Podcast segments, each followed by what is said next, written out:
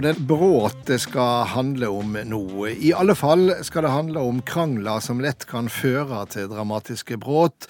For frende er frende verst, heter det jo, og det kan vi nok trygt slå fast når politiske meningsfeller barker sammen innad i det samme partiet. I Venstre så brygger det opp til leierstrid, og der er valgkomiteen og landsstyret samla denne helga. Og i Arbeiderpartiet så har borgfreden vært svært skjør helt siden den såkalla Giske-saka eksploderte for snart eh, to år siden. Og denne veka kom Hans Olav Lahlums biografi over tidligere partileder i Arbeiderpartiet, Raul Steen, der det blir fortalt hvordan rå maktkamp og bitre personkonflikter gjorde partilivet ufyselig gjennom mange år. Og Liv Signe Navarsete, velkommen skal du være til dette programmet. Jo, takk. Eh, du eh, er på, i nærheten av Nesbuen på vei hjem til eh, Smalehovelag i Sogn. Men som leder i Senterpartiet så opplevde du en slik intern maktkamp for fem år siden. Og, og hvordan opplevde du nettopp dette at det var mellom ens egne at striden sto? Det at en får angrep og at det blir stridigheter innad i partiet, blir jo opplevd helt annerledes enn om en har kamper som går utad. Da jeg var jo statsråd i mange år, og kamper var jo stadig vekk på ulike områder. Mer og mindre mediebelyst. men men det at uh, angrepet kommer fra dine egne, uh, og diskusjonene uh, kanskje om da, din person, det blir veldig ofte personifisert da, det gjør jo noe med deg, men det gjør også noe med hele organisasjonen. Mm. fordi at hva skal jeg si, tilliten internt i organisasjonen forsvinner. En lurer på hvem, som, hvem, som, hvem kan en si ting til, hvem kan en bør en ikke si ting til. Og media, som òg spiller en ganske viktig rolle i slike konflikter. Media liker konflikter, både i partier og andre organisasjoner, sjølsagt, for det gir jo overskrifter. Men når de ringer rundt i partiorganisasjonen, enten det da er fylkesleder eller lokallagsleder eller hvem som helst som plutselig da blir eh, Senterparti-topp i vårt tilfelle, eller Venstre-topp, eller hva det måtte bli, så eh, veit ofte media mye mer om egentlig hva som rører seg, enn den som da sitter eh, oppe i Nordland eller i Agder eller hvor hen han, eller hun måtte bli oppringt. Eh, og det setter jo òg veldig mange i en vanskelig situasjon, både lojalitetsmessig, men òg selvsagt at en uttaler seg om, om, noe en kanskje ikke har full oversikt over. Og så vekker det òg uro og usikkerhet som breier seg i organisasjonen. Så, så jo... for organisasjonen er det veldig uheldig at en får slike konflikter. Og for den som sitter i toppen under en sånn prosess, så må det jo skape både usikkerhet, men også en følelse av en slags giftig stemning innad i ens eget parti, der en kanskje skulle ha vært trygg. Ja, Det er jo ingen tvil om at uh, det første som reiser hjå jo lederen i en slik situasjon, er jo trygghet. Uh, og den er voldsomt viktig, for det å være leder i et mm. politisk parti er jo og å prøve å, å foregne ulike fløyer, ulike synspunkt. Og hvis, ikke, hvis du mister trygghet i, så blir jo den jobben ganske vanskelig. da, Å fronte eh, saker og, og, være den tydelige lederen som en selvsagt ønsker å være. Men det blir vanskelig når det blir mye uro rundt en. Håvard Narum, som en sentralt plassert journalist i NRK og senere i Aftenposten, så har du gjennom flere tiår fulgt slike partiinterne maktkamper. Hva er det som kjennetegner dem? Ja, det er jo Av og til er det jo rene politiske motsetninger. De fleste partier har jo innebygde konflikter. og sagt, Jo større partiet er, jo større muligheter er det jo for det. og Arbeiderpartiet har vi jo hatt det veldig mange ganger. Eh, du har konflikten mellom Einar Gerhardsen og Håkon Lie, som jo kom forholdsvis sent fram i det offentlige rom, men som nok eh, red ganske hardt innad på Youngstorget i, i, i, mange år. Og så fikk du da konflikten mellom Reiulf Steen og Oddvar Nordli. eller rettere sagt ikke så mye mellom de to, men mellom deres støttespillere. Og det fikk jo selvfølgelig også da innvirkning på forholdet dem imellom etter hvert. Og så ble det konflikt også mellom Steen delvis og Gro Harlem Brundtland. Dette er jo til dels detaljert beskrevet i Hans Olav Lahlums biografi, men der var de jo også De var enige om mye politisk, men de var veldig ulike i stil.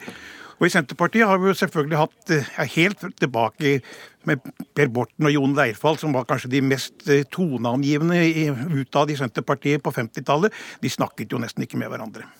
Men samtidig så er det vel stor forskjell Liv Signe Navarsete, når, når dette dreier seg om strid om politiske veivalg, eller når striden eh, går på person, eller er det sånn at det er uro å skilje dette? Det er helt uro å skilje. Eh, og noe av det som frustrerte meg mest eh, når eh, det sto på som verst hos oss, det var jo at det ble hele veien framstilt som sånne personlige motsetninger. Eh, men det handla jo om politiske veivalg. Det handla om veldig sterk uenighet om politikk, ikke minst når det gjaldt miljø, eh, klima, olje- energipolitikken. Eh, ja, egentlig veldig mange politikkområder. Landbruk osv. Så videre. så, men det kom egentlig aldri til overflata, og det ble veldig vanskelig for meg som leder å få til overflata. fordi at prosessen det var helt umulig for meg som leder å, greie å få grep om prosessen. For det, det skjedde så mye rundt meg som jeg ikke styrte, og ergo så ble du på en måte Hva skal jeg si? Eh, du, måtte, du ble hengende etter litt. Det, og det er jo ikke noen gode kjensler når en er leder og helst skal ha oversyn og, og, og, og gå føre. Er det som når, um, det, når gulvet ja. forsvinner under deg, på en måte? Ja, på sett og vis. På sett og vis. Og og sant, eh, du eh, prøver å gjøre en jobb, og så eh, blir det nesten umulig. Fordi at du får ikke ørenslyd for det som er politikk. For noen har bestemt seg for at dette er, skal handle om personlige motsetninger som egentlig ikke var spesielt store, vil jeg si. Men, men politikk er vi, var vi og er vi ganske uenige om på en del områder. Det tror jeg er rett å si fortsatt. ja. Men samtidig så er det jo sånn at det er jo masse usemje om politiske veivalg i de fleste partier, men det er ikke alle som ender med slike dramatiske eh, personlige motsetninger som vi har sett en del av, og som vi har nevnt noen dømme på. Nei, men det har veldig mye med hvordan dette blir håndtert. Og det er klart at for politiske ledere, jeg, jeg skjønner jo Navarsetes eh, problem her, at følelsen av å bli hengende etter. Men håndtering av konflikter er jo ofte det som betyr mest på hvordan man kommer eh, forholdsvis helskinnet gjennom eh, en slik affære. Og, Men det har vel også med å gjøre om det er vilje til konstruktiv løsning, eller mer destruktivt? Selvfølgelig, og, og det har jo da med motiver å gjøre. Og, det, og der er det nok uh, ulike motiver, naturligvis. Og, uh, maktkamp dreier seg av og til om politiske motsetninger, men det dreier seg også, uh, kanskje minst like ofte, om personlige ambisjoner. Og det er oftere vanskeligere å håndtere, fordi at du da vet ikke helt i hvilken ende du skal begynne. For du, eh, som også Navarsete er inne på her, altså, du må kunne stole på folk. Og det har nok vært et problem i mange konflikter i flere partier.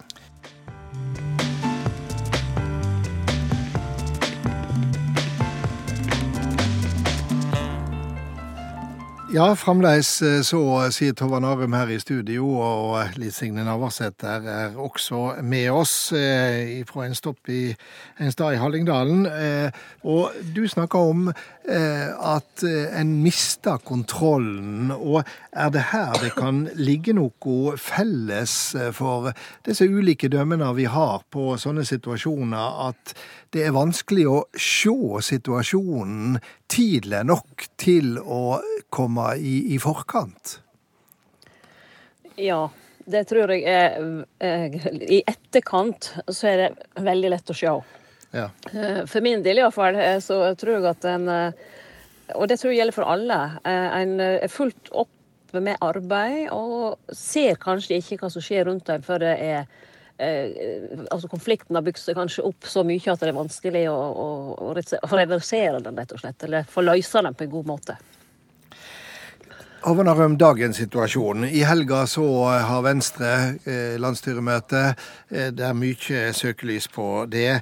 Det er et lite parti som har lagt opp til flere måneders lederdebatt. Hvorfor vil et parti seg sjøl så vondt? Fordi eh, partiet har dårlige nerver, eh, naturlig nok i og for seg, eh, slik som både valgresultatet og meningsmålinger har vært. Og fordi de ikke vet veien ut, tror jeg. Mange i, Venstre ønsker å kvitte seg med Trine Skei Grande. De klarer ikke å bli enige eh, om hvem som skal overta etter henne. Det er vel verre som så for de som ønsker én, av, avskyr den andre kandidaten, og motsatt. Og slik sett så kan vel Skei Grande være en kompromisskandidat? Ja, det er nok hennes beste mulighet til å få fornyet tillit. Eh, denne prosessen altså Det er virkelig eh, seigpining de har eh, innlatt seg på her. ikke sant? Med, det er fem måneder til dette skal avgjøres. Og en valgkomité kan jo jobbe helt inn til landsmøtet. Jeg tror det hadde vært en fordel for Venstre å få dette avklart mye før. Men jeg tror ikke noe særlig på at de vil gjøre det. For det, det, det er så mange aktører, så mange viljer, og så uh, liten uh, interesse, tydeligvis for å, å, prøve å se helheten og sette seg inn i hverandres uh, argumenter. At jeg syns ikke dette ser lyst ut for prosessen i Venstre. Vi må innom Arbeiderpartiet, for vi har nevnt Rausten-biografien til Lahlum. Og der går jo han inngående inn på de dramatiske maktkampene på 70- og 80-tallet. Og et brev fra Rausten eh, blir sitert der, der eh, Rausten skriver om Gro Arne Brundtland at hun er det kaldeste, mest hensynsløse mennesket jeg noen gang har støtt på. Hun mangler en menneskelig dimensjon som gjør henne livsfarlig. Og når en leser sånt, og du som fulgte dette den gangen, dagens Arbeiderparti, der Jonas Gahr Støre definitivt har sine problemer internt, det virker jo rene søndagsskolen når en leser om disse oppgjørene på 70-tallet? Ja, jeg tror nok eh, ingen har skrevet den type brev eh, om hverandre i dagens Arbeiderpartiledelse. I så fall får vi jo ikke vite om det før om en 20-30 år. Eh, men det betyr jo ikke at det er problemfritt der. Altså, De har også et problem med å stake ut sin vei. Arbeiderpartiet har jo alltid på en måte profitert på å kunne være et parti som prøver å ta ansvar, som har en helhet i politikken. Det er ikke helt stemning for det nå. De partiene som gikk fram ved dette valget, var jo Senterpartiet og Miljøpartiet De Grønne. Med all respekt for disse to partiene, noe sånn spesielt helhetlige styringspartier står de ikke fram som. nå. Ja, jeg, jeg, jeg, jeg hører det. Jeg, visste at du var i andre enden, så jeg tenkte at nå skulle vi ha det litt moro her. Nei, men det er klart at Senterpartiet Senterpartiet har en styringstradisjon, jeg skal gi dere det. Men det er ikke eh, det dere har vunnet valg på akkurat nå. Men eh, vi har snakka om dette med partiet som eh, er i, i, kamp og strid med seg sjøl. Du opplevde jo eh, dette etter eh, fem år som partileder, der det hadde gått veldig bra fram til da, eh, Liv Signe Navarsete. Og jeg har lyst til å spørre deg mot, mot slutten, hvordan greier en som menneske å ta vare på seg sjøl i slike stormkast som, som slik strid utløser? Eh, det greier en vel ikke. Eh, og det som òg ofte er tilfellet, er at når disse stormkastene kommer, så er det gjerne etter en periode som har vært arbeidskrevende, iallfall for vår del, da som var i regjering. Eh, og det er som kjent ingen søndagsskole heller, så for min del så var jeg jo ganske sliten. Og når dette her oppsto i tillegg, og det gikk jo både på søvn og, og helsa løs, egentlig, så um, heldigvis for min del, etter at jeg hadde varsla at, eh, at, jeg ville trekke meg, og det var viktig både for meg sjøl og partiet at jeg gjorde, så ble jeg sjuk. Jeg fikk et virus på balansenerver og var sjukmeldt et halvt år. og Det tror jeg var lukka for at jeg da rett og slett eh, Jeg måtte komme meg på beina igjen, både psykisk og fysisk. men eh, Eh, jeg skal være så ærlig å si at jeg har hatt posttraumatisk stress og behandling på det i, i, årevis etterpå. Så det, det, setter sine spor. Eh, det er ikke til å komme unna at sånne, sånne tak må en bruke litt tid på å komme seg etter. Men, men slik er nå denne politikken. Det er mye maktkamp, og det er mye gode dager, og så er det noen dager som ikke er like gode. Og det må en være budd på når en er i topposisjoner i et politisk parti. Men har det virkelig vært så ille at du i flere år måtte ha behandling for posttraumatisk stressyndrom? Ja, eh, det har faktisk det. Eh, og det ble jeg ikke behandla for med en gang, for da ble jeg sendt hjem eh, og skulle bli bra igjen i forhold til det viruset på balansenerver, som òg nok var et utslag av at kroppen sa at nå, nå er det nok. Eh, men eh, ja, det, det, er nok sant. Eh, og det har jeg behandla både med medisin og ellers, så det var helt nødvendig. for rett og slett å komme på rett kjøl igjen. Selv om jeg sjøl sa at nå er jeg ferdig med dette, så var ikke kroppen min ferdig med det. Det, satt på en måte noen reaksjoner i kroppen, så jeg måtte, måtte rett og slett få hjelp til å bli kvitt. Heldigvis nå går det veldig bra, og jeg har det voldsomt bra. Jeg trives godt på Stortinget, og jeg er heldig å få jobbe der. Tusen takk til deg, Liv Signe Navarsete, og tusen takk til Håvard Narum.